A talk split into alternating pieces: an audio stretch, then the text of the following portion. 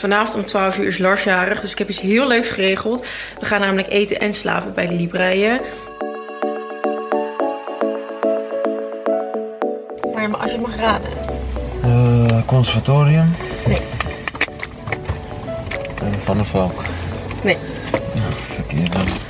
Nou, don't be like this. We gaan naar Libreien. Ga je helemaal naar Zwolle?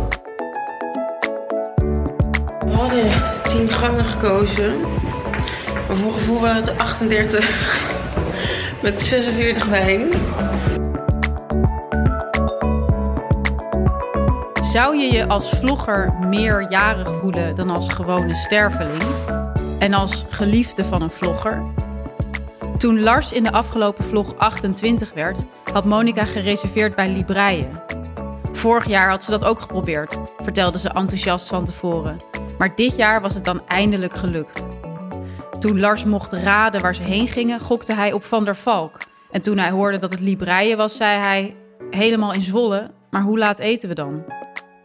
Maar wat maakt het uit? Terwijl Lars zijn Louis Vuitton cadeau opende en Monica een confetti-kanon over hem heen knalde, stond de camera in de zelfontspanner op slow motion stand. Lars stak geïrriteerd zijn vingers in zijn oren, maar onder de video stond alleen maar vrolijke muziek. Daarna volgden ongeveer 30 gangen bij Libreien, de ene nog spectaculairder dan de andere. Ja, ik denk dat je je als vlogger meerjarig voelt. Al is het maar omdat je verjaardag zo godvergeten fotogeniek is.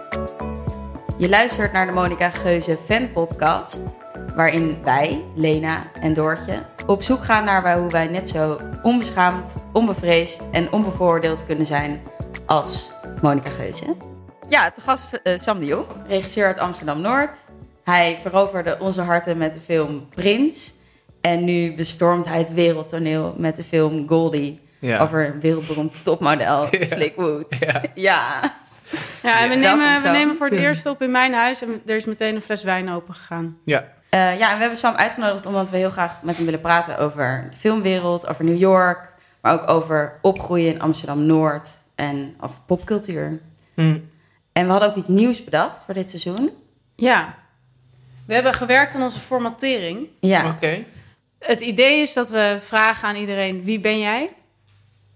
Je en wie ben jij op sociale media?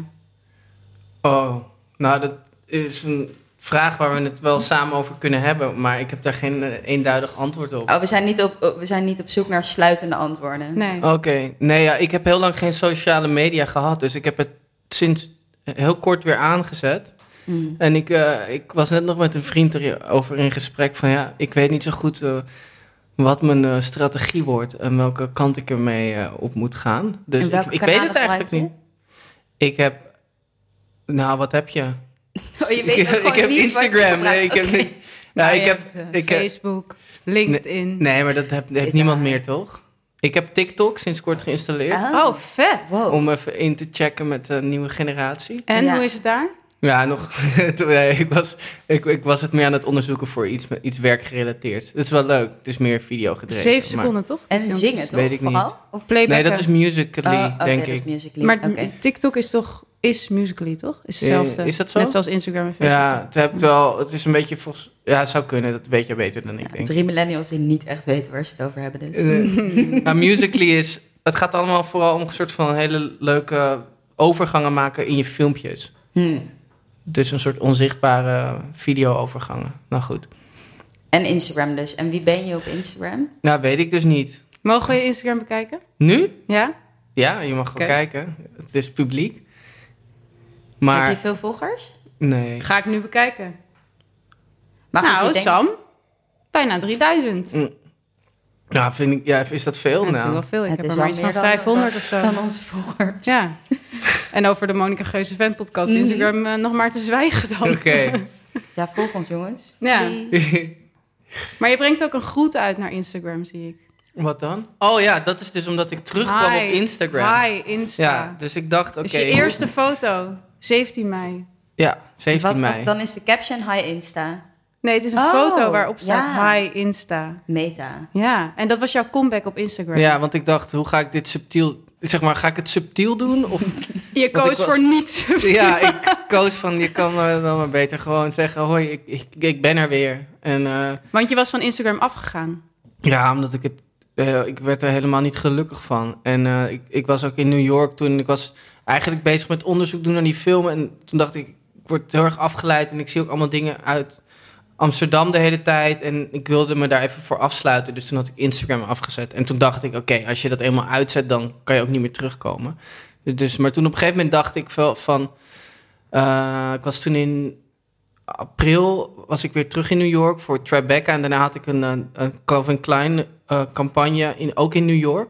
En ik was toen met heel veel ja, nieuwe, n- soort van toffe mensen uit New York aan het draaien. En mijn casting directors en iedereen daar zeiden... ja, als je geen online presence hebt, Mm. dan besta je niet voor de nieuwe generatie. Dus toen dacht ik, oké. Toen dacht je, hi Insta. Toen dacht ik, ja, dat vond ik wel heel heftig klinken. Dus ik dacht, oké, ik ga het nog één keer een jaar geven. En misschien haal ik er iets uit. En als het niet zo is, dan ga ik er weer vanaf. En waarom werd je er ongelukkig van? ja. Nou, omdat het, het, het, het, het- het is zo'n soort populariteitswedstrijd. Hmm. Ik, vond het, eh, ik werd er heel onzeker van. En het- ik had telkens het gevoel, als je iets doet of post... dat je- alsof je op de middelbare school iets op het podium gaat zeggen... voor een grote groep mensen. Mm. En, eh, en dan uiteindelijk ben je, als je iets post, ben je er toch de hele dag een beetje mee bezig. En dan ga je toch refreshen en kijken. En, en voor je het weet, leeft dat zo de hele dag een beetje met je mee. En ik dacht van, wat heb ik daaraan? En uiteindelijk niet zoveel. En dat denk ik nog steeds. Maar het, het is nu bijna wel de norm. Mm. En ook, ik heb het niet per se nodig voor mijn werk. Want ik heb ook gewoon al mijn werk kunnen doen zonder dat ik het had. Maar ik merk wel dat hier en daar wel me- mensen links en rechts van mij... die er wel heel erg veel veel mee bezig zijn geweest... die daar toch ook wel echt dingen uithalen. Dus, maar, Ja, want bijvoorbeeld eh, de hoofdpersoon in je nieuwe film, Slick Woods, is toch Ja. vooral heel bekend geworden via Instagram? Ja. Ja. Maar goed, ik denk ook wel dat het een verschil is met voor de camera of achter de camera werken. Als je voor de camera werkt, word je wel zeker ge, ge, ah, ja, nou, ja, ingehuurd. Bijvoorbeeld als je zo bij zo'n Calvin Klein of zo, dan zie je gewoon als je zo'n casting eh, overzicht ziet van mensen die ze overwegen, dan staat gewoon achter elke Ja, naam staat hoeveel volgers, Hoeveel ze hebben. Ja. Dus dat Ja. is wel frustrerend, lijkt me ook. ja, Eh, letterlijk een populair- ja. populariteitswedstrijd. Ja. dan. Eh, Maar ja, is het gek hè? Want ik bedoel, ik snap zo'n Calvin Klein ook wel. Die denken, ja, zo'n model heeft gewoon lekker Dat is gewoon eh, bereik. 50k volgers. Nou, Ja. daar hebben we er gewoon extra bij. ja, je Heel- betaalt heel- eigenlijk ja. gewoon voor een mediakanaal. Ja. Ja. dat is waar. Maar, ja, maar ik weet niet of ze- dan per se moeten posten. ook. Ja, Ik, ik, volgens mij hoeft nee, dat maar ze niet. kunnen ze zo iemand toch taggen in een, Mm. in een foto. Dat en dan heeft zeker, dat ja. meteen ook weer heel veel bereik. Ja, is gewoon, eh, ja, het is gewoon gratis extra publiciteit. ja. En ben je, er, ben je er nu veel mee bezig met dat je moet posten of zo? Jawel, ik was nu al aan het nadenken. Oké, ik ga het nog een keer proberen. Dus wat ga ik dan precies doen? En- Ja. En je ging een strategie bedenken, zei je. ja, inderdaad. Ik weet niet. Ja, wat is jullie strategie? Wat, ik heb geen strategie. Want jullie hebben het vaker dus over dit onderwerp hier. Mhm. Nou ja, we- ja. ja, ik ben sociale media redacteur bij de Correspondent. Dus Ja. het is ook een soort van mijn werk. Ehm, En hoe nou, ga- ik denk wat heel leuk is aan sociale media, is dat het, het kan een soort proeftuin zijn voor je ideeën. Dus je kan heel makkelijk een idee testen en kijken of het resoneert. En daar dan bijvoorbeeld eh, in de, een film van maken of een fotoproject of het verder uitwerken. Ja. Ik denk dat dat heel leuk is aan Instagram. Maar wat je vooral ziet is dat mensen hun ideeën aanpassen op hetgeen waarvan ze weten dat het aanslaat. En dan ja. Verlies je natuurlijk creativiteit. Ja, maar dan ga je dus dingen maken ook voor, Ja. voor de Ja. uitkomst. ja, En dat moet je dus eigenlijk niet doen, zeg jij. Nee, volgens mij kan je het heel leuk als een... Als een je kan hele absurde experimentele dingen doen, denk ik. En de dingen die dan aanslaan... eh, je, hebt, je hebt een soort testgroep de hele tijd. Volgens mij als je het zo benadert, is het best wel leuk. Maar moet je dan ook eronder zeggen in, een, in, je, in je, zeg maar, stel je post iets. mhm. Zeg je dan, moet je dan ook zo transparant zijn dat je zegt... Hey guys, just testing. This, Ja. this Ja. new. Ja, daar, Dus zijn soort, idea. daar zijn een soort format voor kunnen Ja, bedenken. Maar het is natuurlijk heel lastig om het zo vrij te benaderen. Want dat is dus... Ik, ik lees nu dat boek, The Social Photograph, Mhm. van... ehm Nathan er Wat is bij. dat dan? Ja, dit boek. Dat is het voordeel van dat het bij mij Ja, thuis zit. Dan Nathan kan ik gewoon de boeken laten zien Ja. die ik lees.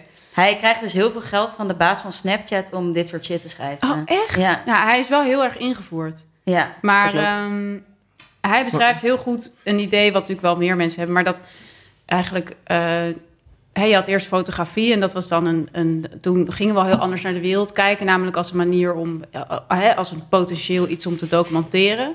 En eigenlijk zijn we door sociale fotografie... dus door extra deelbaarheid, een veel Mhm. groter publiek... Mhm. zijn we het hele leven gaan zien als een mogelijkheid... om fotomomenten te gaan creëren. En zo is het misschien ook een beetje met werk. Dat ik, ik had vandaag. ehm, eh, ik, maak, ik, ik maak een documentaire en zit er nu in de editfase. Mhm. En toen gingen we kijken naar de, de, de scènes die dan waren geëdit. En het was heel tof om het voor het eerst te zien waar we allemaal heel lang aan hadden gewerkt. En het is toch wel heel vet om dan zo'n scène te zien. En ik pakte gewoon meteen mijn telefoon om het te filmen. Want ik dacht, ja, ik wil dit gewoon aan mijn vrienden laten zien. Want ik vind het zo tof en ik ben er zo trots op. En ik maak het samen met een, met een, eh, met een eh, collega-maker, zeg maar. En die is tien jaar ouder dan ik. En die is ook heel erg, die is heel erg niet op social media. Mhm. en, die, is- en die tikte echt zo'n telefoon aan mijn hand. Zei, kijk nou gewoon even. Wow, nice. Ja. Ja, toen dacht ik ook, ja, fuck. Ik maak een documentaire over kinderen die helemaal geobsedeerd zijn door YouTube. En dan kijk ik eindelijk naar, naar zeg maar, mijn eigen scènes die ik zelf helemaal op bedacht heb. En dan ga ik het zitten filmen. Dat heeft ik ook wel iets heel bizars. Ja, ja, dat is wel mooi. dus ik En ben- eh, ook meteen duidelijk waarom jullie dit samen doen. Maar ja, alles delen, want het- is wel interessant. Ook dat, dat je dat inderdaad als een soort speeltuin kan zien. Mhm. Maar hoe gaat dat dan bij de correspondent bijvoorbeeld? Want daar heb je die ruimte natuurlijk niet. Nee, nee, ja, nee, inderdaad. Dat vind ik best wel lastig. We hebben nu sinds kort een Instagram-kanaal. En daarvan heb ik dan de strategie opgezet. Maar je kan gewoon niet onder de merknaam de correspondent hele rare dingen gaan doen. Nee. Gewoon om te kijken wat werkt. Want iedereen wat kijkt zou, je, wat zou je dan willen doen voor hele rare dingen? Ja, geen idee. Maar eh, ik maak het samen met een beeldredacteur. En die kan natuurlijk wel hele weirde shit bedenken. Ja. Maar je- mensen hebben toch al een, een verwachting. Terwijl als kunstenaar kan je natuurlijk... Je kan totaal in het absurde trekken. Je hoeft denk ik niet eens transparant te zijn over dat het een experiment Nee. is. Nou, het ligt natuurlijk ook aan wat je wil. Want eigenlijk wordt natuurlijk creativiteit wel een beetje gesmoord door het algoritme of zo van social media, denk ik. Want net Nou. zoals wat, eh, hoe heet ze, Anna Nushin zei in die, in die ehm Use and J podcast. Weet je, Ja, wel, dat maar- ze soms foto's van zichzelf vindt ze dan heel vet. Maar die deelt ze dan niet, omdat ze weet dat ze minder likes zullen Ja, genereren. maar goed, dat zijn haar volgers. Ik bedoel, mensen volgen jou omdat ze je interessant Ja, maar als je maar vinden. 20 likes hebt, is dat dan, Straalt het op je af. is, dat dan betekent het dan dat, het, dat je niet moet door... Stel je experimenteert met iets en je Ja. maakt iets en je post het en je, je krijgt 20 likes. Ja, ik zou gewoon in je bio zetten... eh, sharing experiment of zoiets. Maar dan op een absurde manier. Ja, ik ja, misschien doen. moet ik jou even inhuren een keer. Ja. Nee, dat lijkt me echt heel leuk. Als je dat zo gebruikt. Maar wanneer is dan, zeg maar, wanneer is iets dan mislukt? Gaat, want je, in principe, is Ja. het dan mislukt als je minder likes krijgt dan je normaal krijgt? Het is nooit mislukt. Nee, het is dus nooit mislukt. Maar wa- wat? Nou, ik denk niet dat het mislukt is. Ik denk dat het gewoon... Dat ook als het 20 likes krijgt... maar jij vindt het heel vet... dat het nog steeds wel iets is waar je op kan voortborduren. Ja, ja. Ehm, maar het is een leuke manier om snel iets te maken. Ehm, en Ja. wat ik ook best wel cool vind is... sowieso voor heel veel kunstenaars is het natuurlijk heel belangrijk om hun werk te delen. Maar je ziet ook een hele opleving in poëzie door Instagram. Oh, Omdat ja? vet veel... Ja, mensen kopen natuurlijk geen poëziebundels meer. Eh, maar je hebt best wel veel mensen die alleen op Instagram gedichten delen. Oh ja? Dus ik las ook een stuk op de New York Times... Hoe de, nee, op The Atlantic... hoe Instagram poëzie aan het redden is. Maar Instagram is toch eigenlijk juist een heel erg beeldgericht medium? Ja. Ja, dat verandert dus ook langzaam. Oké. Je ziet, het heet de Ja. Caption Revolution. Heel veel influencers gebruiken heel veel tekst in de caption. Eh, en ondertussen zijn media natuurlijk ook bezig met hoe ze Instagram kunnen gebruiken voor het delen van hun verhalen. Omdat Ja. iedereen van Facebook afgaat. Ja, ik wou net zeggen, je moet wat, want Facebook is natuurlijk helemaal dood. Ja, nou ja, dat is niet zo. Maar Nou ja, in onze bubbel Ja. is dat wel zo. Ja. Dus eh, je ziet dat het de verschuiving naar tekst is. Ja. Want, oh ja, want daar was ik wel over aan het nadenken. Ik dacht van ja, tekst is eigenlijk de toekomst. Want de, de wereld is eigenlijk uitgeëxploiteerd qua beeld. Ja. En tekst is nog het enige medium waarin je aanspraak doet op de verbeelding. Mhm. ja, je kan zelf dingen invullen. Ja. ja. En dat, Oh, wat hoopvol, Sam. Ja. Ik hoop echt dat dat zo is. nou ja, ik niet helemaal als filmmaker, maar als ik, tenminste, eh, Ja, het is voor jou wel lastig, ja. Nou, het is wel interessant Of om je kan te films denken. maken met alleen maar woorden in Ja, beeld. bijvoorbeeld de Nou, ik ben wel boekenwereld bezig doet met het ideeën. Heel goed. Doet de boekenwereld Ja, het heel dat goed? is echt... Mensen dachten ook Jezus. een tijdje dat... Ik word helemaal blij van je. Ja, nee, serieus. Ja. Er was een tijdje dat, dat iedereen dacht dat het boek ten onder zou gaan, maar dat, dat is echt een su- super Ah, winstgevende business. oké. Leuk. Eh, vooral ook het papieren boek, dus het e-book doet het ook niet per se. Ja. Ja, ik lees ook nooit een e-book. Lees je Nee, eens ik een vind e-book? het echt Nee, nog heel nooit. leuk om me te Nooit. omringen met mijn boeken. En dat je ook kan kijken in de kast en je denkt, oh ja, dat boek. En dan heb je meteen weer zo'n hele... Voel, Ja. je, ook, voel je ook geleerd. Even, Maxime Februari, wil ik weer over een begin. Ja. Die zei in zomergasten, het leuke is aan boeken, ten opzichte van alle kunst, is dat je moet altijd investeren om het te kunnen ervaren. Zo van een kunstwerk, of een foto of een film, kan je een soort van passief ondergaan. Maar Mhm. moet je altijd moeite voor doen en lezen. Ja. ja, maar boek is ook een soort statussymbool, toch? Want ik weet nog, Ja. toen ik dus hierheen verhuisde, dacht ik, ja, dan straks komen allemaal boeken. En dan Je heb ik zoveel niet- boeken. Oh, je hebt ze daar, maar ja. dat valt dus best wel mee. Ze liggen allemaal daar en het is niet echt heel veel. Ja, maar dat boek als statussymbool herken ik wel heel Ja. erg. Ook in mijn omgeving hoor ik best wel vaak het gesprek van hoeveel boeken lees je per ja, week? per week. Nou, ja. Ja, pardon. Hoeveel boeken lees jij? per week. Ik heb deze zomer nu twee boeken gelezen. Welke?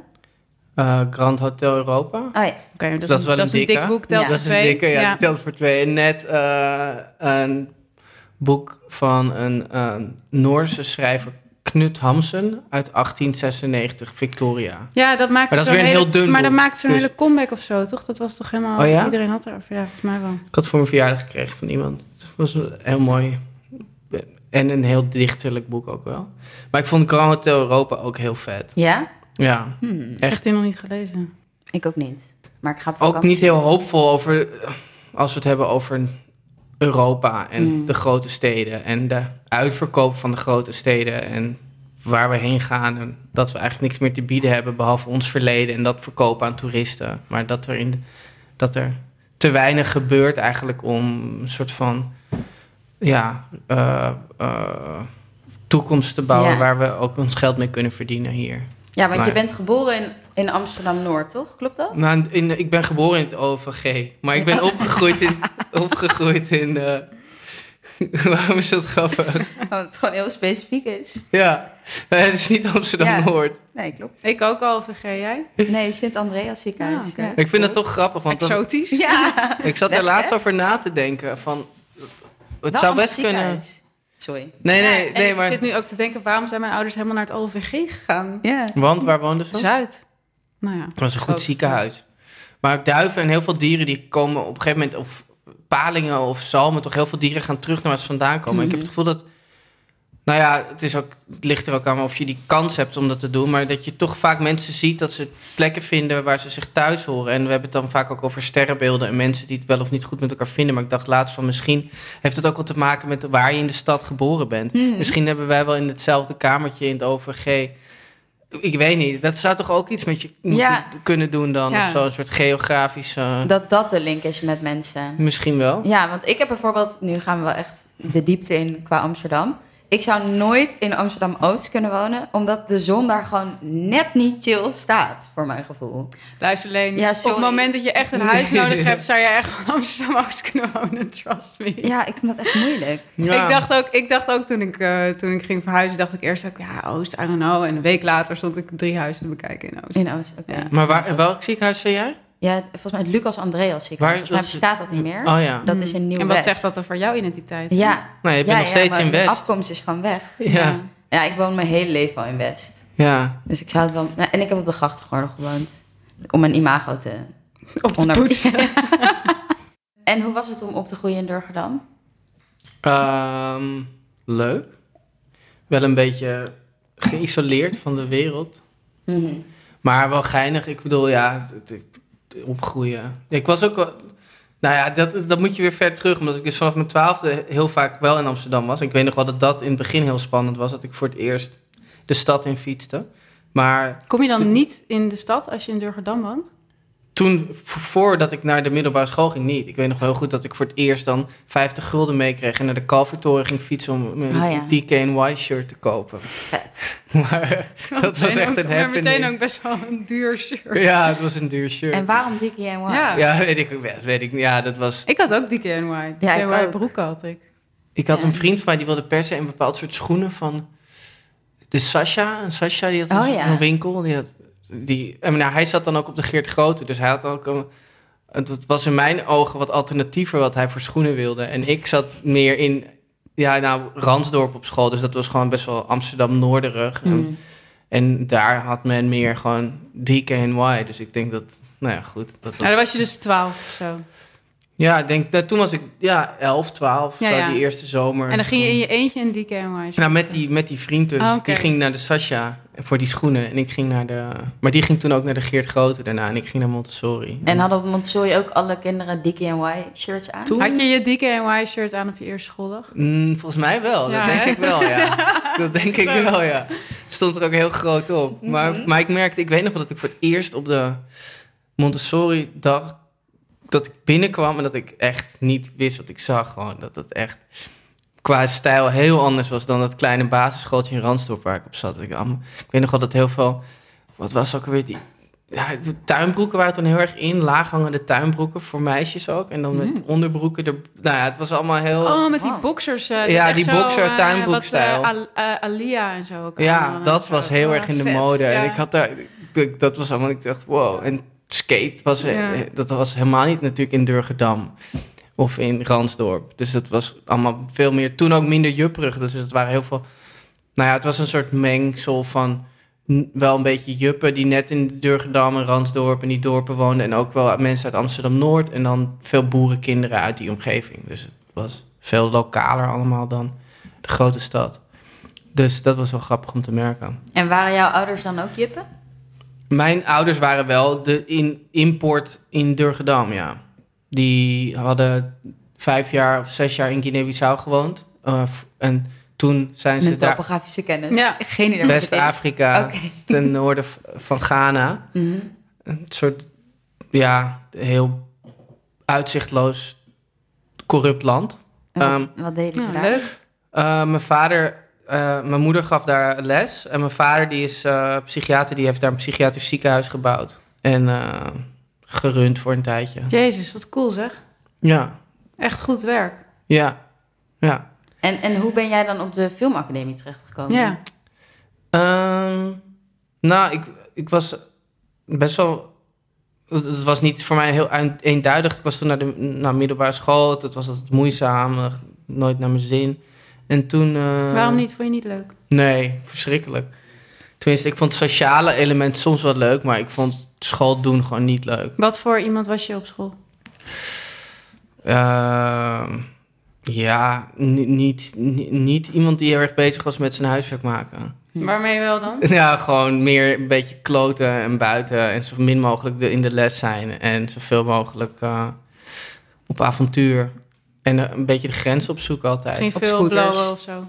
Ja, en drinken en eh, met, met ja, een beetje, beetje proberen de lessen te vermijden. Het was, ja, het was soms wel ingewikkeld. Ik ben, was ook volgens mij, maar ik, uiteindelijk heb ik het dan wel gewoon ik ben één keer blijven zitten en het wel gehaald. Nooit heel erg geëscaleerd, maar het was wel af en toe problematisch.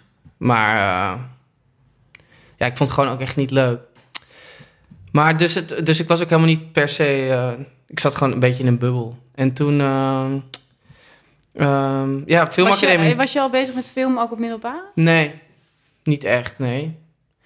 Wel, wel bezig gewoon met, met beeld. En eh, ook wel veel met fotografie na de, na de middelbare. Want dat heb ik twee jaar ook ertussen nog gehad.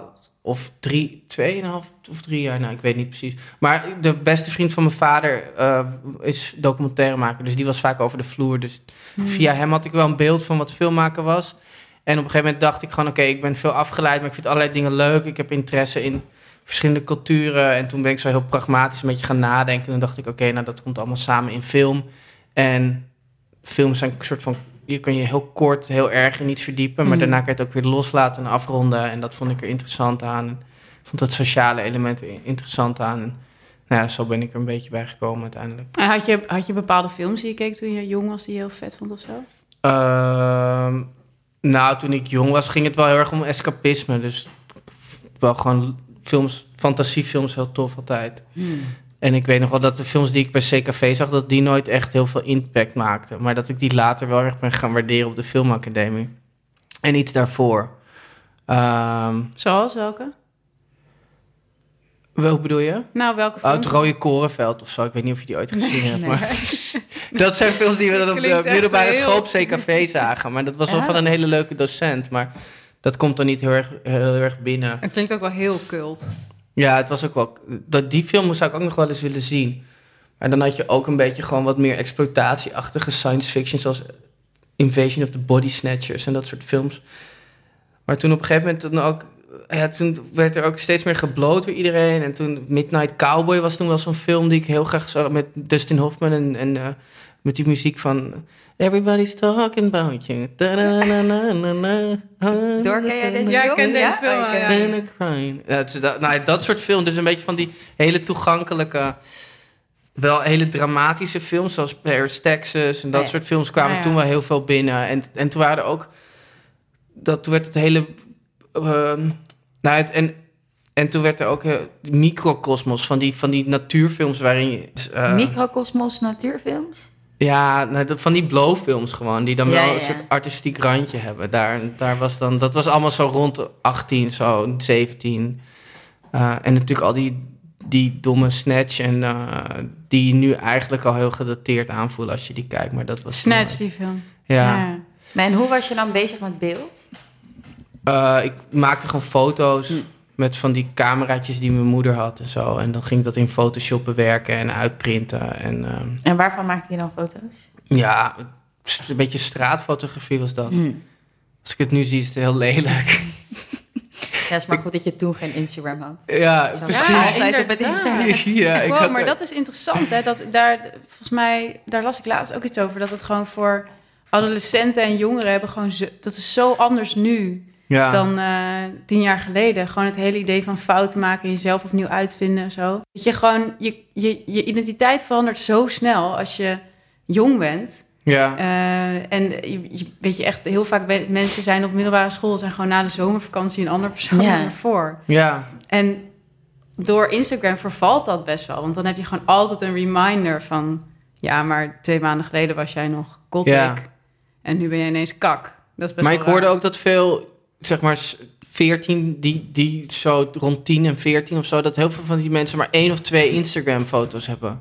Oh, echt? En alles op stories doen of zo. Ja, dat je dus maar gewoon, je hebt een paar beelden die je eens in de zoveel tijd dan weer ver- verandert, maar dat zijn dan, ik weet niet of dat waar is. Dat ja, zijn dan, die zullen wel stories gebruiken en dat is natuurlijk veel vluchtiger. Ja, Maar goed, ik denk dat je nu, als je nu opgroeit, sowieso veel meer online presence hebt. Ook anders wel. Ja, ik weet niet of mensen nog Facebook gebruiken. Ik ben ook wel echt benieuwd of jongeren daar actief over nadenken dat ze niet teruggevonden wil worden. Ja, moeten ze een jong persoon uitnodigen. Want heel veel van die influencers, die, die doen dus, dat zou wel leuk zijn. Die hebben toch ook gewoon, het gaat er ook heel erg om. Ik, ik heb ook al van die modellen, eh, eh, vrienden uit New York, die ook echt zoveel kleding hadden, omdat ze elke post moeten ze weer iets nieuws aan hebben. Ja, ja, Ja. er is heel veel druk bij influencers Ja. ook. Je kan echt niet twee keer hetzelfde aan op Instagram. Ja, maar stel je bent 14 en hoe, ik bedoel, Maar dat, dat, wat Dat- me- meisjes dan doen, is dat ze eh, samen kleding kopen.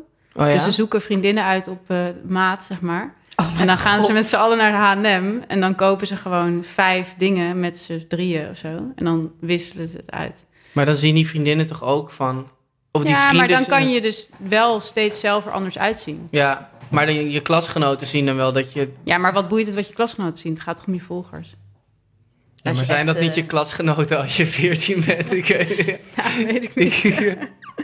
ja. En, en hoe was het dan toen je op de filmacademie kwam? Had je toen weer zo'n soort cultuurshock met nieuwe... Oh, ja, heel erg. Ja. Ja? Hoe, ou- hoe Ja, oud ja. was je dat je daarheen ging?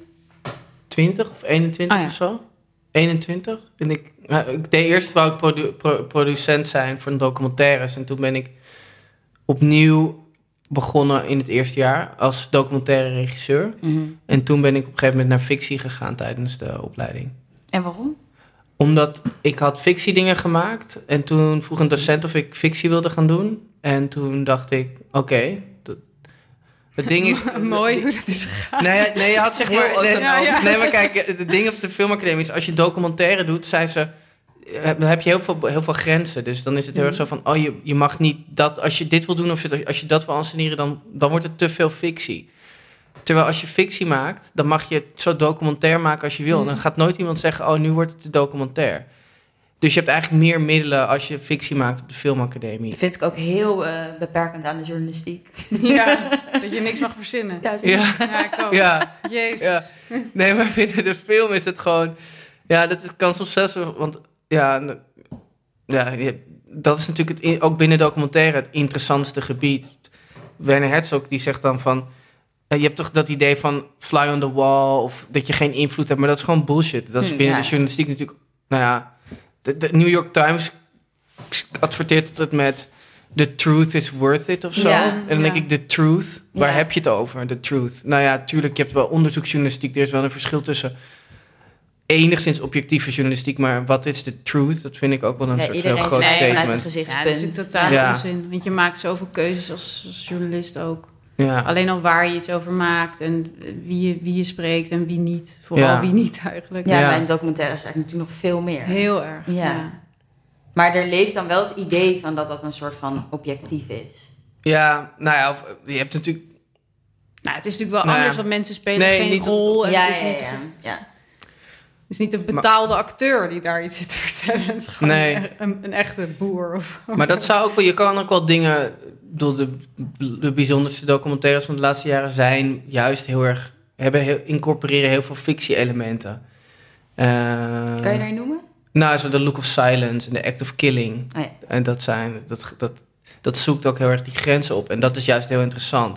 En wat ik wilde zeggen, Werner Herzog, die zegt dat het, I'm not the fly on the wall, I'm the, I'm, I'm the hornet that stings.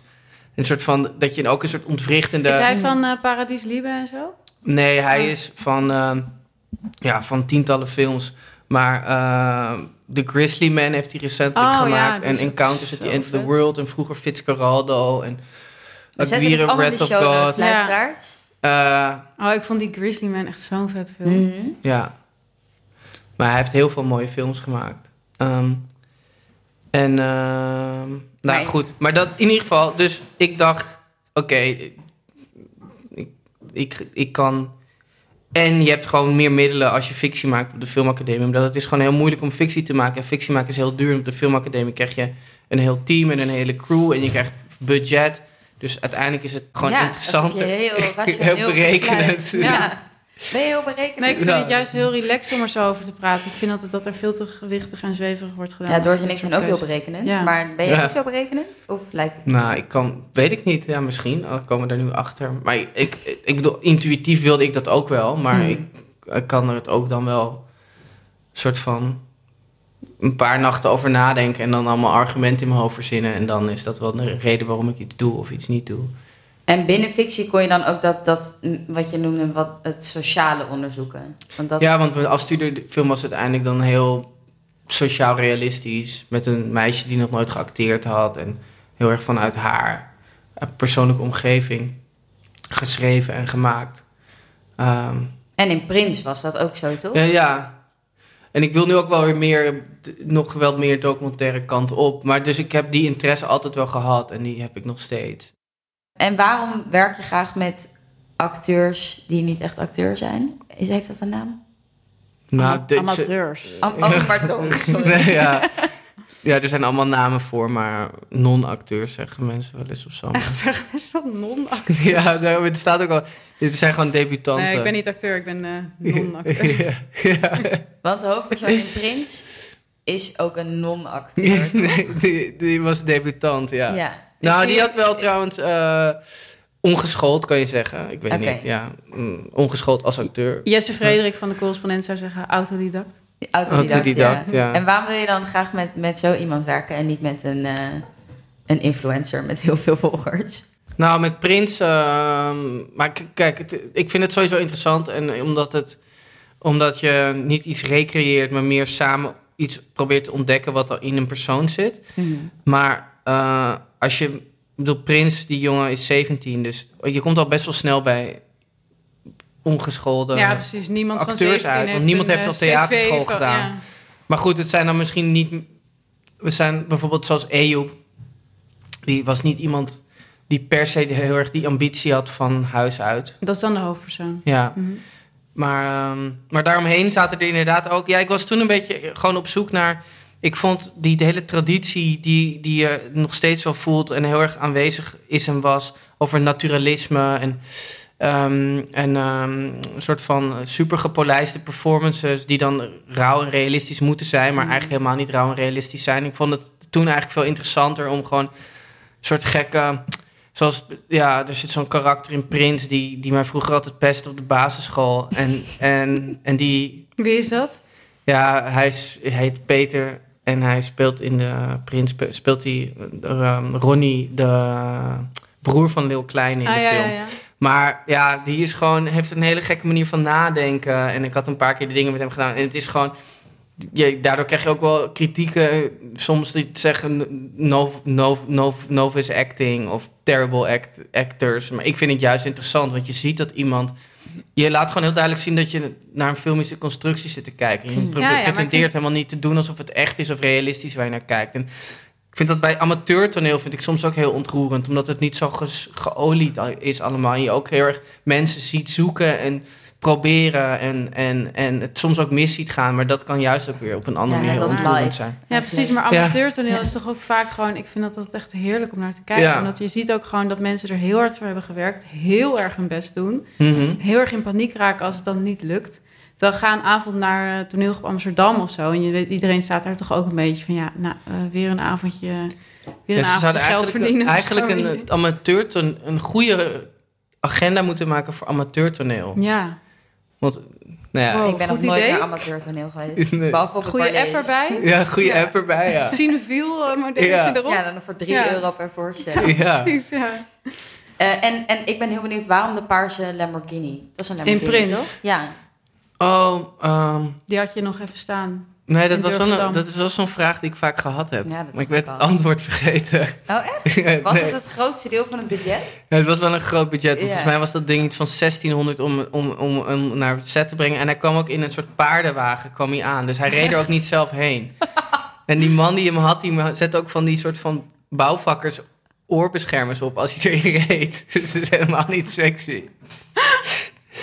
Grappig. Dat vind ik heel grappig. En we hebben ook op een gegeven moment, eh, heeft, leunde, volgens mij was het eh, Jorik, die leunde te hard tegen het raam en toen brak het.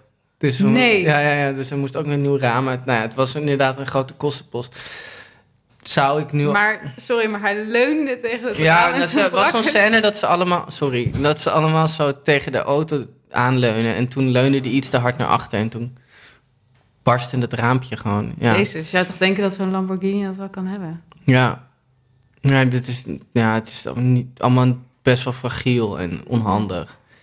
Maar en, ja, ik dacht gewoon, het, is, het leek mij gewoon heel tof om, ehm, om een visuele metafoor te vinden die bij het verlangen van die jongens paste, maar die ook een beetje contrasteerde met die wereld en er duidelijk Nou ja, buiten stond. En, ehm, want wat, wat is het verlangen van die jongens dan?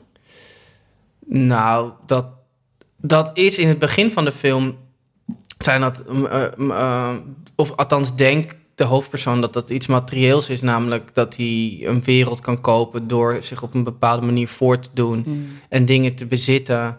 Een DKNY shirt bijvoorbeeld. ja, of hij wil dan zo'n nottie schoenen. Of, maar goed, van die kleine dingen waar je op die leeftijd veel mee bezig bent. Ik denk dat dat iets is van de afgelopen twee, drie. Dus, nou ja, wanneer. we- Ik denk dat dat allemaal een beetje begonnen is eigenlijk. Dit is echt de sociologie van de koude grond. Mm. Maar eh, zo rond de jaren zestig, toch? Dat de, Mm. na de hele hippiebeweging, dat het soort van. Dat, dat die, na de seksuele revolutie, dat er een soort vrijheid van identiteit is ontstaan. En dat daarna heel veel mensen altijd. Patty Smith, dat was toch ook allemaal. Je knipt je broek af en dan hoor je erbij of zo. Ja, je en, identiteit eh uit je door je consumptie. Ja. Kleding. ja, en dat, of dat dan. Ja, of het Italiaans is of. eh Levi's of wat dan ook. Of, Mm. eh, maar goed, hij denkt dat. En, maar aan het einde gooit hij die weg. En, eh, en, en heeft, hij, heeft hij dan. Dat is misschien een beetje een soort van. te mooi bedacht. Maar in, in de film gooit hij dan die schoenen weg. En, eh, en realiseert zich dat hij die dingen niet nodig heeft. Om, en juist die dingen hem in de weg staan om te komen tot wat wel belangrijk voor hem is. Of denk, wat hij denkt dat belangrijk voor hem is. Heb jij ook zo'n realisatie gehad met je DKNY Zeker, ja, ja, ja. Dat DKNY shirt, nou, dat zou ik nu wel weer aandoen, maar misschien meer ironisch. Ironisch, ja. maar dat is misschien ook weer flauw. Ehm, ja, ik heb dat wel gehad. Wanneer dan? Maar het, ja, toen ik me een beetje losmaakte ook van bepaalde groepen vrienden waar ik mee omging en zo. Want op een gegeven moment wil je ook gewoon, is het ook, het wordt ook een soort sociaal bindmiddel, toch? Om Mhm. op een bepaalde manier uit te zien. En daar haal je dan ook een soort broederschap uit. En misschien een verwantschap wat je thuis niet hebt of, of mist. Eh, en bij ons was het op een gegeven moment ook best wel gewoon turbulent thuis. Dus ik dacht dat ik de soort, de, je probeert toch een Familie. ja, een soort familie te zoeken. En dat doe je dan ook door dat soort dingen. Ehm, en toen op een gegeven moment ben ik twee keer in winter ook in Oostenrijk geweest. Gewoon weg van huis en weg van de contacten die ik had. En toen heb ik mezelf een beetje opnieuw moeten ontdekken. En toen werd dat ook allemaal veel minder belangrijk. Maar het is toch ook een hele leuke manier om je te verbroederen? Ja. Ik vind bijvoorbeeld best wel leuk dat Doortje en ik er soms identiek uitzien per ja. Ja, Dan voel ik me toch ehm, verwant aan je of zo. Ja maar Ja. misschien heb je... Ik had toen nog niet echt heel veel autonomie over hoe ik dacht dat ik wilde zijn. Of wie ik was, weet je wel. Nee, maar Dus- dat is toch sowieso zo gewoon, dat duurt eigenlijk zo lang. ja. En eigenlijk de tijd waarin het het meest belangrijk is om je identiteit te tonen in de vorm van kleding, weet je nog totaal niet wie je bent en hoe je eruit wil zien. Ik heb eigenlijk nu pas het idee van, oh ja, dit zijn dingen die ik dan leuk vind en die ik dan aan Ja. wil en zo. Terwijl ik dat echt toen ik 17 was, had ik echt geen idee hoor. Nee. Dan deed je maar gewoon wat anderen deden. Ja, maar ik vond het ook heel leuk dat je... ehm, dat het nog zo helemaal open lag. Dat je Ja. inderdaad na de zomervakantie gewoon een andere identiteit kon aanmeten. Ja. En dat dat gewoon best wel geaccepteerd werd. Terwijl... Ja, maar ik schaamde me er wel. Zeg maar, als je zo heel Mhm. zichtbaar veranderingen, transities doormaakt, kan Ja, ik me nog steeds een beetje over schamen. Ja, Van dat je zo opzichtelijk op zoek was naar jezelf. Ja. ja. ja. waarom Ja. is dat eigenlijk gênant? Het zou niet gênant moeten zijn. Het is eigenlijk heel ontroerend. Ja, het is een beetje hetzelfde als dat je een heel extreem kapsel neemt. Aan de ene kant heb je dan zo behoefte aan drastische veranderingen... en aan de andere kant is dat zo awkward. Maar is het niet nu al iets meer geaccepteerd of zo? Ja, ik denk als ik nu iets heel extreems met mijn, mijn haar zou doen... dat dat echt meteen een identiteitscrisis is die Nou, me mensen, leeft. mensen gaan Ja. er wel over praten. Ja, Ah, Maar je, ik je weet niet voelt of je het erg heel is. eh, naakt of zo dan. ah. Grappig wel, dat Ja. in de... Maar het, is- het, is- ja, het heeft ook weer met Instagram te maken in de zin van... Eigenlijk zou je dus scheid moeten hebben aan wat anderen denken. Ja, of hoeveel likes wel- je hebt. En Maar het Ja. is wel door Instagram dat trends zo snel gaan. Toch, daar hebben we het al eerder over gehad, over die kleine zonnebrillen bijvoorbeeld. Dat echt gewoon objectief fucking awkward dingen zijn om te dragen. Maar toch draagt iedereen ze, omdat ze online hebben gezien van... oh, iedereen heeft dit aan, dus ik kan het ook aan of zo. Dus ik, ik ga dit ook maar doen. snelle plannen. Het gaat, precies. Het gaat, en daar gaan die, daardoor gaan die trends veel sneller of zo. Maar dat is ook een beetje hetzelfde als wat ik zei over experimenteren met kunst op Instagram. Dat doen merken natuurlijk ook. Ze Ja. slingeren gewoon heel veel de wereld in. ja, En sommige dingen resoneren en die produceren ze heel snel. Ja, en doen ze binnen dat zo? twee maanden weer weg. En dan heb je de neon trend. Ja, maar dat is gewoon schadelijk voor het milieu en voor alles. Dus daar moeten we eigenlijk van af. Ja, dan moet je naar, meer naar stijl in plaats van naar trends. Maar Meer naar tijdloosheid. Maar, Ja. ja, maar mensen hebben toch een soort intrinsieke behoefte aan iets nieuws. ja. ik zit al te kijken dat jullie hebben allebei een wit shirt aan. Ik heb een soort off-white linnen shirt aan. We zijn wel in het, wij zijn wel in het domein van de Van de stijl. trend af. Ja, Ja, maar ja, ik vind geen logo's meer. ja. Ik hoef ook geen logo's meer eigenlijk. Nou, ik vind het wel heel leuk om het te verhouden tot trends. Ik, ik, ja, ik weet niet, ik word er gewoon blij van. Het zegt ook iets over de gestemdheid van de wereld of zo. Ik vind het Hm. gewoon heel interessant. Ik vind het ook grappig om... Er is zo bijvoorbeeld laatst las ik een artikel van een chick... en die had zich een week gekleed als Billie Eilish. Ja, dat Billie Eilish draagt echt hele rare grote shit. Ja, ik ken het, ja, ja. En eh, dan beschrijft ze hoe ze zich erin voelt. En ik weet niet, dat, dat idee vind ik gewoon best wel leuk. Dat je gewoon opeens denkt, ja, weet je En hoe voelde ze zich? Ik doe een wielerbroekje aan. ja. Gewoon kijken hoe het voelt. Eh, nou, ze voelde zich heel badass en heel krachtig. Nou, ik had laatst dus een wielerbroekje aan in een niet-wieler context.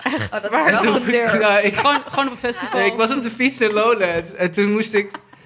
Ik had mijn wielerbroekje aan met een t-shirt. En toen was ik bij de accreditatielijn, moest ik mijn bandje ophalen. En toen realiseerde ik me eens dat ik allemaal bekenden tegenkwam. En Oh. dat ik in dat wielerbroekje stond. En wat, wat, wat zijn de keuzes die je toen hebt gemaakt? Nou, je, ik heb niet gezegd dat ik op de fiets was. Ik heb gewoon gedaan. It's fashion. Ja, ik heb gewoon daar gestaan met mijn wielerbroekje aan. En in de toen had je toen ook een hele andere middag. Nou, ik, heb, ik heb wel uiteindelijk toen de tent helemaal stond, snel mijn wielerbroekje uitgetrokken. Maar ja, ik, ik moest er wel even doorheen. Ja. Ja. Ik dacht, oké. Nu ben ik dus, ja. Maar en nu verhoud je je niet per se tot trends. Jawel, tuurlijk wel. Ja. Want ik Ja. kan me ook voorstellen vanuit Maar- je werk dat je daar naar researcht. en- Ja, maar het zit ook wel een beetje in me, denk ik gewoon. Ik wil er ook gewoon bij horen. En ik wil ook gewoon... eh, En bij wie wil je dan horen? Ja, dat is een goede vraag. Dat vind ik... Ja. ja, ja. Maar wat, eh, ja, wat, zijn de wat zijn de categorieën? Ja, nee, en als je die categorie dan gedefinieerd hebt, dan heb je eigenlijk een antwoord op de vraag wie je zelf wil zijn. Kijk, in New York is iedereen normcore. Oké. Maar, Nee, een beetje ja. awkward. En was ja, jij dan ook... awkward Was jij, style. Ja. Ja. want je hebt daar dan drie jaar gewoond. Was je ook norm Ja, ik werd wel, als ik nu, nu die foto's zie, denk ik van ja, Jesus, het is gewoon echt niet, geen goede look. Wat was het dan? Wat was het dan? Nou, normcore is gewoon te korte broeken, Ja. een beetje... Beetje utility wear. Ja, zo. ja. een beetje te grote schoenen, van die... eh, Grote schoenen. nou ja, gewoon, scho- gewoon, nee, ja, gewoon een beetje dad shoes. Ja, ja, ja. en dan eh, ja, van die domme petjes op. Ja. En, ehm, en dan een beetje te grote t-shirts en truien. Ik merkte laatst, ik was een week in Berlijn, dat ik ook echt binnen vier dagen alleen maar zwart aan wilde. Ja, ja, ja. ik, wil, ja. ik, ik pas Ja. me dan meteen aan. Maar dat vind ik ook leuk, want dan word je een soort, ik weet niet, je verhoudt je dan gewoon tot de Ik heb dat altijd met accenten. Oh ja, ik neem ook Als altijd iemand een Duits accent tegen mij praat, dan ga ik ook een Duits accent praten. Ja, ja, ja, dat, eh, dat is wel leuk. Heb je zo'n heel corny New Yorks accent? Nee, ik ben Oh. gewoon heel erg van het Hollandse accent. Oké. En je- En ging je daar gewoon wonen, want je dacht van dat is leuk, dan kan ik daar eens een keer een film maken of zo? Nou, nee, ik wilde eigenlijk al heel lang in Amerika een film maken.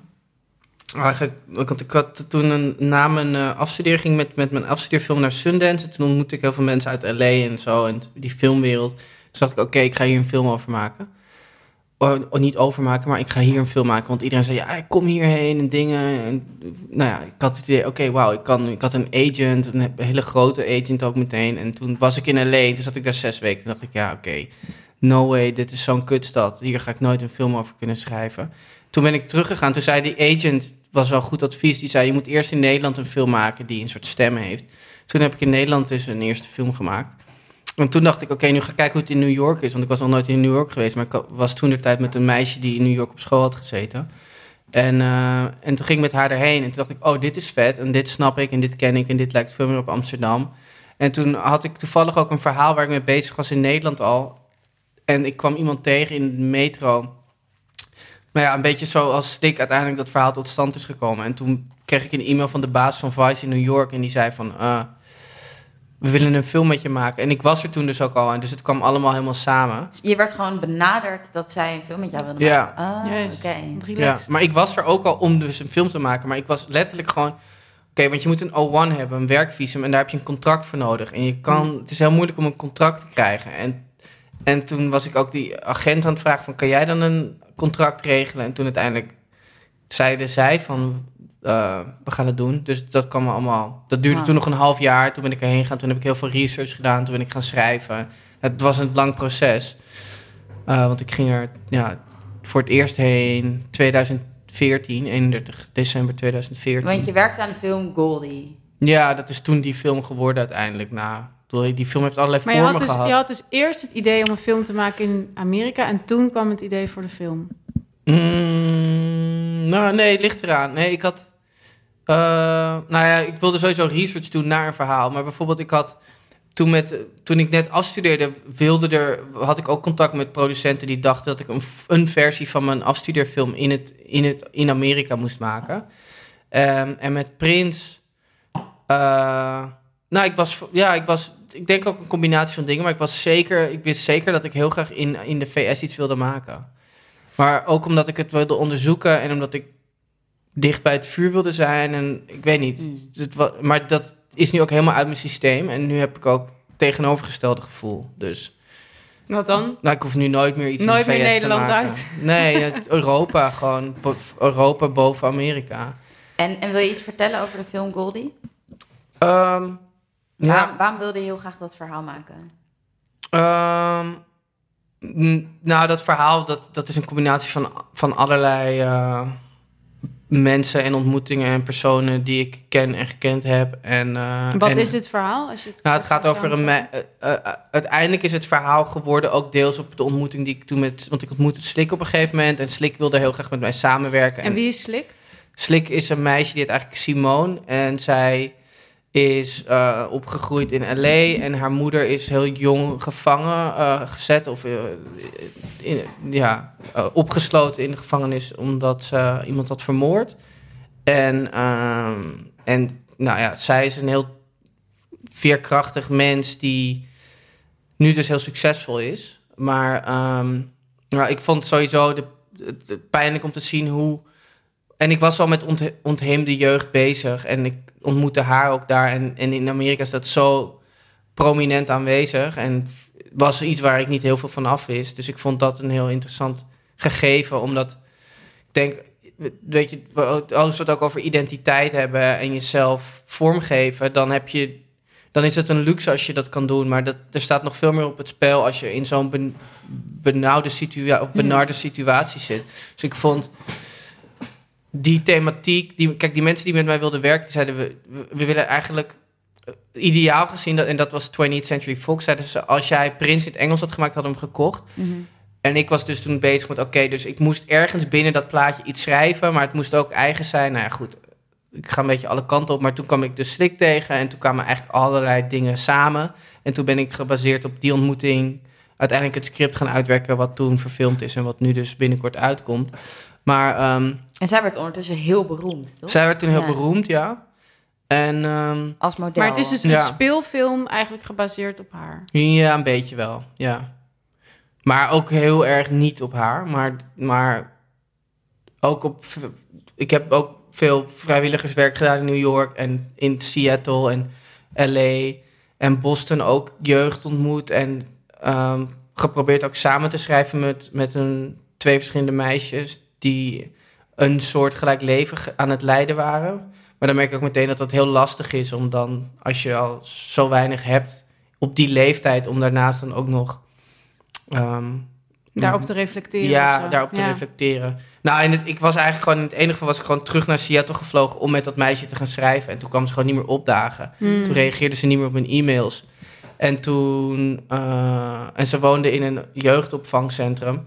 Maar daar kwam ze ook niet meer. En toen kreeg ik twee maanden later een e-mail van... Hey, het spijt me dat ik nooit meer iets heb laten horen... dat ik ineens verdwenen was. Maar ik kwam erachter dat ik zwanger was. En ik. Mm. ben nu bijna aan het bevallen van iemand. Dus nou ja, goed, er zijn dan zoveel dingen die...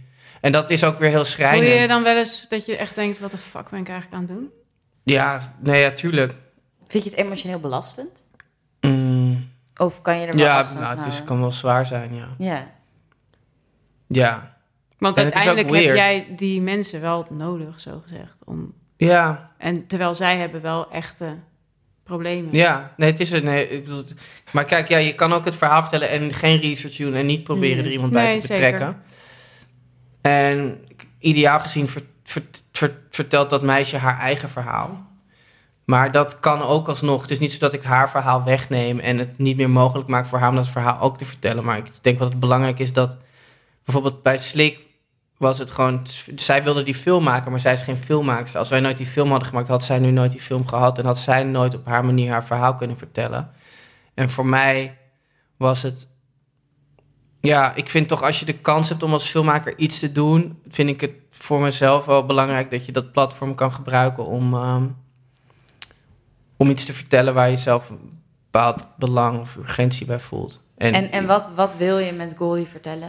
Nou, ik denk dat beide films gaan over. Het is voor mij een beetje an- anti-consumptiemaatschappij, anti-materialistisch. Het gaat ook wel heel erg over je stem vinden. Mhm. Ehm, Coming of age. het is coming of age, ja. Maar het, het, het gaat heel erg over je stem vinden in, in een eh, materiële wereld waar je weinig middelen in hebt. En, ehm, en, ehm, en ja, ik, ik, wordt heel snel moralistisch als je er op die manier over gaat praten. Maar ik vind het voor mezelf wel fijn om, om ehm, ik probeer er wel een soort beweging weg, weg, weg... Meer naar creativiteit en weg van, van hele opzichtige statussymbolen of zo. En ik, dat, die beweging zit in beide films, maar het laat Nou ja, ook want wel... hoe, hoe zit dat dan in je nieuwe film? Ja, zij, het is eigenlijk een beetje hetzelfde verhaal. Wat dat betreft uiteindelijk. Zij wil heel graag iets en uiteindelijk realiseert zich dat dat geen oplossing is voor Ja, wat... en wat wil ze dan? Is het ook een specifiek item? Of Ja, het is ook Ja, een ja, item. Ook weer een paarse Lamborghini. Ja, Het is nu geel, ja. Ja, en het is een oké. bontjas. Maar Oh, eh, ja. Ja? Ja. Maar het is wel een minder, film met veel minder humor en lucht. En minder speels dan Prins. Hey, je moest natuurlijk Speel ook een taalslag maken naar Amerikaans publiek. Ja, en ik was ook, er, er speelden hele andere thema's al vanaf het begin. Dat Ja. ik een buitenstaander was in een nieuwe wereld. Ja. Nee, want En- dat lijkt me wel moeilijk. Want zoals zo'n prins, dat gaat dan misschien over een, een, een subcultuur of een, of een type jongen dat misschien nog wel wat verder van jou afstaat. Maar Amsterdam-Noord ken je dan tenminste nog wel. Ja. Maar En Deze identiteitspolitiek is hier ook veel minder een onderwerp. ja, ja, ja. Het begint nu iets meer te komen. Was dat, had je daar ge- gevoelens over dat jij dan als witte man Oh ja, continu. Ja, ja, En dat wat- was ik. Nou ja. Ging je jezelf dan verontschuldigen of zo? Of? Nee, maar je bent wel met iedereen erover aan het praten. Van, is het oké? Wat vind je ervan dat ik dit vertel? Hoe staan we hier samen in? En ik denk ook dat het kan, daar ben ik van overtuigd. Ik geloof ook niet in censuur. En ik, maar ik geloof wel dat het belangrijk is dat je het er constant over hebt. En dat je heel erg bewust bent van het feit dat je dat aan het doen bent. Eh, maar het is soms ook wel best wel be- beklemmend. En het is ook wel beperkend soms qua creativiteit. Omdat ik durfde gewoon bepaalde dingen niet meer te doen. Wat Van- dan? Ehm, nou ja, ik had, ik had allerlei hele speelse, soort van Godard-achtige vechtscènes. Hmm. Bijvoorbeeld waarin zij... Het is een soort socia- sociaal-realistische film, maar ik vind het dan heel leuk om stilistisch hele andere kanten op te gaan. Ik had in allerlei scriptversies... Waar, was, was het echt een hele dromerige, eh, sprookjesachtige vertelling... waarin zij dan op bepaalde momenten een soort kung fu-achtige vechtstijl beheerste... en allerlei mensen uitschakelde... En aan het einde ook ontplofte in een wolk van goud. Vet. En, Ja. Maar goed, en dan krijg je dus... En dan gaan er allemaal mensen meelezen en die zeggen dan van... Ja, maar je bagatelliseert de dramatiek van een meisje. Ja. Je weet niet wat het is om zwart te zijn en weinig middelen te hebben. Je kan daar niet zo eh, nonchalant mee omgaan. Want als je in zo'n bedreigende situatie zit... dan kan je niet met een paar kung fu moves je redden. Dus, dus, Ja. eh, nou ja, dus dan ga je herschrijven en dan wordt het steeds zwaarder en zwaarder. En uiteindelijk denk ik, nee, ik had eigenlijk misschien wel moeten vechten voor de eerste Ja, ik versie. wou want- net zeggen, vind je dat dan Ja. lastig als dat zo... ja, nou ja, het, Want het is ja, natuurlijk het een is hele lastig. dunne lijn tussen creativiteit en zeg maar helemaal in het, in het eh, afgebakende kader van woke Ja. zijn, Ja. Ja. Ja, ja, woke is echt een heel ingewikkeld ding. Hmm. Ehm, ik denk ehm, dat... ehm, Nou, je bent niet de eerste gast die hier zit die eh, dingen maakt en die zich aanpast omdat die niet woke genoeg is als artiest. Ja. Nou, Go to Jim die zei ook, die heeft eh, allemaal liedjes gemaakt over kers. Dat hij dat nu niet meer dat deed. hij minder vrouwenvriendelijk wilde zijn. Nou, dat hij dat soort dingen gewoon niet meer Ja, doet. Omdat zijn moeder het niet leuk vond. Nee, volgens mij omdat hij gewoon te veel gezeik krijgt. ja, maar dat vond ik ook niet tof.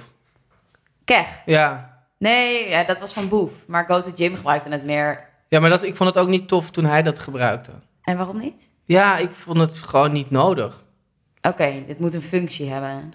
Nee, maar het is, het is een dunne lijn. Maar ik denk van ja, waarom zou je.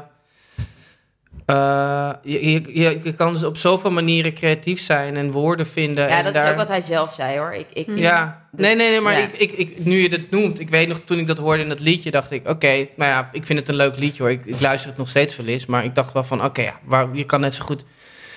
Want je, je- je- ook al bedoel je het ironisch, Hmm. maar ik, het is niet zo, ja.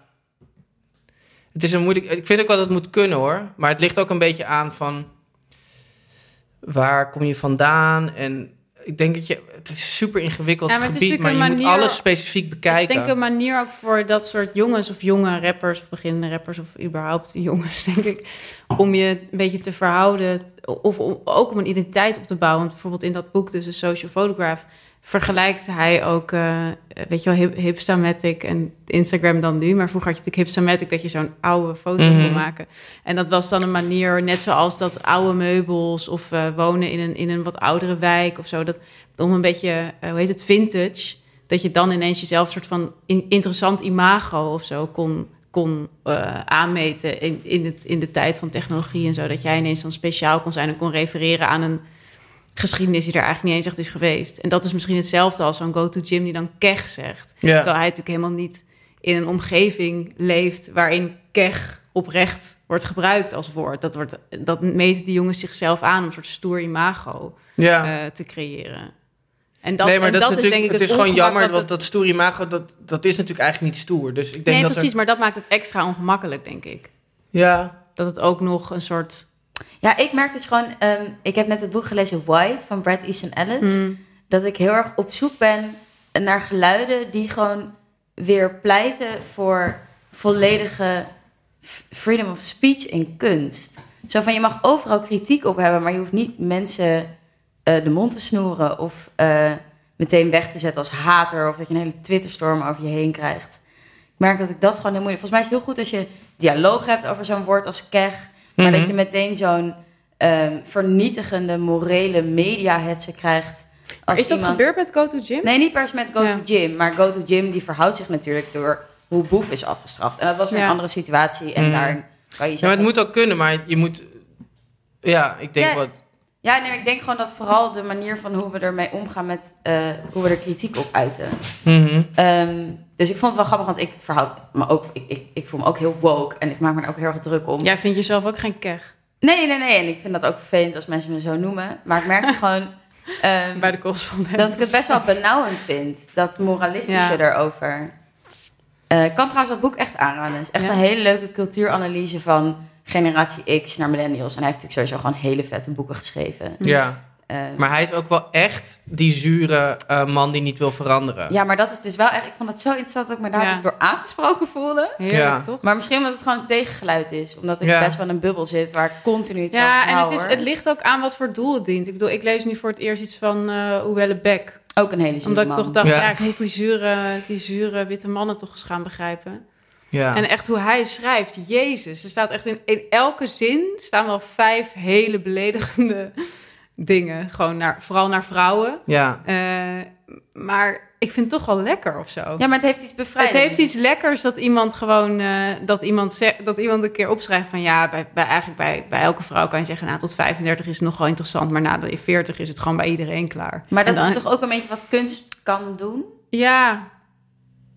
Maar ik weet ook weer niet hoe ik het zou vinden als ik zelf dan 40 was en dat zou lezen. Ik het dan nog steeds zo grappig zou vinden, laat ik het zo zeggen. Nou, bijvoorbeeld, ik las eh, een stukje over twee vrouwen van Harry Mulisch. En Harry Mulisch heeft gezegd dat, dat hij nog nooit een interessant gesprek heeft gehad met een vrouw. Wat natuurlijk ook gewoon, dat, is, eh, dat zegt hij als poseur. Mhm. Mhm. Ehm, maar alles wordt zo letterlijk genomen. Mensen vallen daar weer massaal over. En ja, ik merk dat ik daar dus wel een Maar het rare door- is dat, is dat als, als eh, iemand als Sunny Bergman of zo nu zou zeggen... ik heb nog nooit een interessant gesprek gehad met een man... Ja, niemand die dan zou zegt, iedereen ja. zeggen, hm, oké, interessante stelling. Eh, gaan we eens even onderzoeken, weet je wel. Dan Ja. zou het helemaal niet zo, zo zwaar Wegen, opgevat ja. worden. Ja, en ik weet ook dat er verandering nodig is. En dat je dan ook eh, dat, het, dat het heel zinvol is om alles onder een hele kritische loep te leggen. Ehm, maar ik vond het gewoon interessant dat ik me zo aangesproken voelde door zo'n zure twitteraar als Bert Easton Ellis. Ja, Ja, het ik- grootste probleem is eigenlijk dat die hele... Zeg maar, bijna alles gaat nu over identiteitspolitiek. ja, Terwijl het grote thema is kapitalisme en klimaatverandering. Ja. En daar Ja, heeft, heeft het alleen maar over fucking diversiteit. Ja. Prima, maar de wereld Ja. gaat ten onder. Ja, moeten gaat de wereld we ten moeten Nou ja, ik bedoel, toch een beetje wel. een Dus, beetje wel, ja. dus je kan beter aan een... Nou ja, het is allebei belangrijk, maar... Ja, het zou natuurlijk mooi zijn als we gewoon als mensheid ons kunnen verenigen. En Mhm. grote problemen kunnen aanpakken. Ja. Ja. en het de waarheid is natuurlijk ook wel dat Brad Easton Ellis en Noelle Beck ook de wereld niet gaan redden. Nee, ik weet ook gewoon, dit, jouw perspectief is een uitstervend perspectief. Ja. Van hier- Brad. Ja, Ja. jullie zijn de, ja, de laatste Jullie gaan loodjes. snel dood. Ja, dus ik vond het ook wel een beetje sneu van mezelf dat ik, me daar dan, dat, ik dat dan chill vond om te lezen. ja.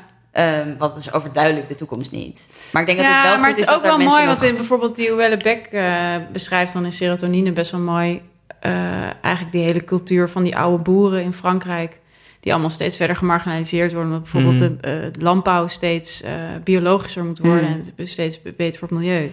Maar ja, vertel dat eens aan een eh camembert-boer die het al, eh, weet je wel, zijn vader deed het ook al zo en zijn opa deed het Ja. ook al zo. En die hebben gewoon de middelen niet. Eh, en op een gegeven moment eh, is het dan gewoon einde verhaal. En hij heeft dan een soort heel eh, dystopisch eh, beeld geschetst... waarbij van de, de- zeg maar gele hesjes... maar dan echt gone crazy. Dus Ja, dat dat is was geschreven voor de gele Ja, dat toch? is wel Ja. echt heel bizar. Maar dus dat ze allemaal pu- een soort eh, publiekelijke harakiri gaan plegen en zelfmoord. En, eh, Wacht, En dit is niet dat boek waarin de sharia wordt ingevoerd, toch? nee, dat is eh, Dat is onderworpen. daarvoor. Ja. Oh ja. Ja, hij Ook- heeft allemaal dingen Ook voorspeld. een goede hoor. Ja, die heb ik Ja. wel gelezen. Ik zou hem heel graag te gast willen. We gaan hem een keer Hij, uit. nee, maar het schijnt echt een zieke poseur te zijn. Die bijvoorbeeld gewoon een uur niks zegt. Oh, als mensen hem vragen zijn. stellen en zo. Spreekt hij alleen Lijkt je dat relaxed? Het lijkt me wel heel grappig, ja. Ja. Want waarom doen jullie dit? Dit eh, programma? Eh, Oh, grappig. Dat heeft nog nooit iemand ons gevraagd in deze show. nou, ik denk omdat we gewoon heel Omdat graag we een gewoon podcast eh, wilden helemaal maken. niks te doen hadden. Eh, nou, we hebben allebei filosofie gestudeerd en zijn vanuit interesse wel bezig met sociale media. En ik denk, Ja. als ik uit mezelf praat, dat ik dat heel erg miste. Dat, Mhm. dat er mensen op een abstracter en wat serieuzere manier naar sociale media kijken. Het wordt in kranten best wel vrijwel altijd negatief weggezet. ja. Nee, zeker. Ehm. dat was voor mij de, de motivatie om bijna alles te gaan doen wat ik nu doe. Ja, Want ik werkte lang voor een krant. En schreef ik ook wel over sociale media. Maar op een gegeven moment kwam ik gewoon niet meer doorheen. Hm. Want het moest bij alles een soort super negatief kader. En ehm, Ja. iedereen die op Instagram zat was slecht. Maar jullie zien het dus helemaal niet zo negatief.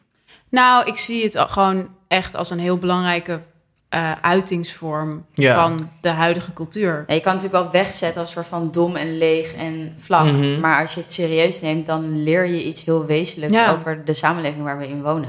En dan Ja, is ja. het zo interessant. En dan is het zo'n eh, zo'n soort. Dan is sociale media ineens zo'n gratis database waar je zoveel uit kan halen om deze tijd en deze tijdgeest te beschrijven. Ja. Ook als je het, nou, ook als je het hebt over neoliberale tijd of eh, kapitalisme. Hm. Ja, plus dat iedereen het zo ongeveer gebruikt. En het Ja. dus ook allemaal ons handelen beïnvloedt. Ja. En daar lezen we niet zoveel over. Nee. Nou ja, Je het is inderdaad, veel- je leest heel veel over als Anna Nushin een, een, een flesje van Shell of zo deelt. Nou, en veel technologiekritiek. Dus je Dat, leest wel veel dat verslavend is. data, En, ja. misbruik en dat soort dingen. Maar gewoon uiteindelijk zien we niet, vind ik dat er heel weinig wordt gezegd en geschreven over de manier waarop het eh, beïnvloedt hoe wij naar de wereld kijken. Dus niet zozeer dat denken. die foto's worden gedeeld, maar hoe be- beïnvloedt het je denken? Wat, wat ook die man van de Social Photograph zegt. Van, we zijn gewoon naar de wereld gaan kijken als een, alsof we in een trein zitten die langs eh, opties rijdt om onze identiteit weer mee te Mhm. eh, bevestigen of anders geld mee te verdienen of op een andere manier eh, ja, onszelf te manifesteren. Ah, ja. dat vind ik wel interessant. ja. Ik ook. Ja. En we vinden het gewoon heel leuk om mensen uit te nodigen die we Ja. interessant vinden. ja, ja. Wie, wie Nee, het zou jij echt heel interessant vinden voor onze podcast? Nou, ik denk wat jullie zeiden, dat je gewoon iemand van eh 14 of zo vraagt. Ah ja. ja, dat lijkt me ook wel vet. Maar hoeft ook juist niet iemand die eh, bekend is. Misschien iemand die, die geen weinig vol... Of, ik weet niet. Het lijkt me interessant. average. Gewoon echt iemand die er middenin We lopen staat. gewoon hier even de Spaarnummer buurt in en Ja. dan halen wat als gaat. ja, maar niet iemand van het vijfde gymnasium dan. Ik ben trouwens, nu, ik- nu ik hier dus net woon, eh, verhoud ik me weer op een heel, met een heel ander deel van de stad. Mhm. En er zijn hier ook heel veel jongeren gewoon de hele tijd op straat met z'n allen. En dat is echt Mhm. fucking gezellig. ja. Maar soms ook wat minder gezellig. Dus eh, je ziet best, best wel af en toe jongens die elkaar in elkaar slaan of bijna in elkaar slaan. En je kan het ook nooit echt helemaal zien of het nou... serieus serieus is of Ja, ja. Dus toen ik hier drie dagen of zo woonde, liep ik van de Albert Heijn naar huis. En toen was er echt zo'n groepje jongens. Was, een, was één jongen echt aan het beuken. ja. Maar kon gewoon niet echt zien of het nou, of het nou echt foute boel was of niet. Ik stond er een tijdje naar te kijken. dacht ik, ja, ik, ja, ik moet gewoon toch iets doen. Weet je wel. Ik ben Mhm. gewoon, ik ben, ik ben, ik ben 27. Ja. Ik kan dit. Ik ga, ik ga hier naartoe. Ja. En toen dacht ik, oké, wat zou ik dan zeggen? En toen heb ik echt wel lang nagedacht wat ik ging zeggen. En ondertussen ging dat beuken toen maar gewoon even door. En uiteindelijk besloot ik toen tot de onsterfelijke zin... Jongens, is dit nog spelen? Oh En mijn die god, jongens- is een moeder van En die 40. jongens keken mij echt aan van... Denk je dat wij geassocieerd willen worden met de term spelen? En ging ook gewoon meteen door. Dat is een soort van... Maar het was dus wel spelen een beetje. Ja, het, het- ik weet niet. Het zit me nog steeds niet zo lekker. Hm. Oké, dus Doortje gaat de straat op om een nieuwe gast eh, voor ons Ja, te volgende keer. We zitten hier... eh, En ehm, ja, ik denk dat we dan gaan afsluiten. ik denk het ook. Want we hebben alweer meer dan een uur vol geluld. Eh, Oké. Dan hebben we ons vaste rieltjes voor de luisteraar. Go for it, Leen. Lieve luisteraar, volg ons op Instagram. Monica Geuze fanpodcast. Ja, volg ons in godsnaam op Instagram. We hebben veel dat herinnert ons meteen Sam. ook aan dat we een foto moeten maken met Sam. Ja. Ik heb Monica Geuze trouwens, die was op de set van Prins nog. Hè? Dus ik, eh, Oh, toen Oh was ze nog met dit al kleine. Ja, one ja, ja. handshake away. Ja, ja, ja. Was dat leuk?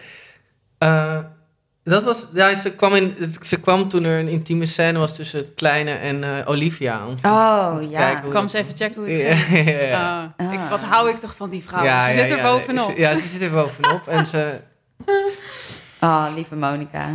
En ehm, terug van weg geweest is de Monica Geuze Fan Award. Dat is een eh, fictieve prijs die we uitreiken aan leuke Instagram-kanalen. En deze week kwam ik langs Always Judging.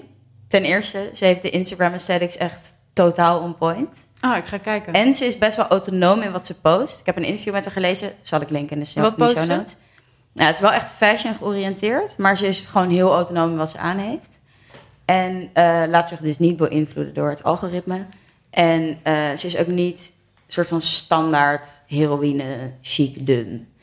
Ehm, ik vond haar heel cool. wie is dit? Ze heet, ja, haar account heet at Always Judging. Always wat ik ook gewoon een hele chille naam Oké, vind. Ga jij kijken? Sam, Sam, nu Sam heeft zijn mobiel alvast tevoorschijn gehaald weer. Ja. Eh, en dan als Oh, laatste altijd heb je vragen, suggesties, kritiek of ideeën, DM ons. Daar, daar reageren we het snelst. Ja, en als allerlaatste in het kader van de formatering gaan we nu een selfie maken. Oh ja, en nu zelf. Maak je wel eens een selfie, Sam? Ik ga jullie nu volgen. Eh, At Monica Geuze Fan Podcast. ja. Maak jij de foto door? Zal ik de foto maken? Moet ik een maar. foto maken? Nee, ik ja, jij oh, kan jij hem ook, maar jij hebt wel de beste hoek. Oh, jullie hebben een En miljoen hebt- volgers. Ja. Dat is Monica. Heeft Monica een miljoen volgers? Hebben wij een miljoen volgers? Dat heb ik quickly. Wat is, het is een bewegende selfie. Nee, ik Oh, liet jullie zien of jullie er goed uitzagen. Oh, nee, dat- daar denk ik helemaal niet over na. Doe hem even opnieuw. Ja, maar ik zit niet goed. Hoezo zit je? Moet ik het doen? Nee, doe, jij- doe jij het even. Ik ben ook niet goed in de selfie. We zijn... oh, dan ben jij heel groot. Maar het is wel grappig. Nee. ik hou ook niet van, ik wil ook niet zelf de selfie maken. Oké, dan maak ik hem. Doe jij het Maar maar. Ik ben meer van zitten. mezelf ontspannen. Oh, maar dan moeten we iets hebben. om- Nee, maar dat is geen selfie. Nee, Dit loopt helemaal uit de hand. Leen, doe jij het even Ja. snel, want anders dan is het hele format meteen naar de knoppen. Ja, moet je wel even gaan zitten. Zo'n feest. Heel mooi. Oké, en nu het raam open, want het is heel Ja, het is heel warm. Dankjewel voor het luisteren. warm. Oh ja, doei! Doei!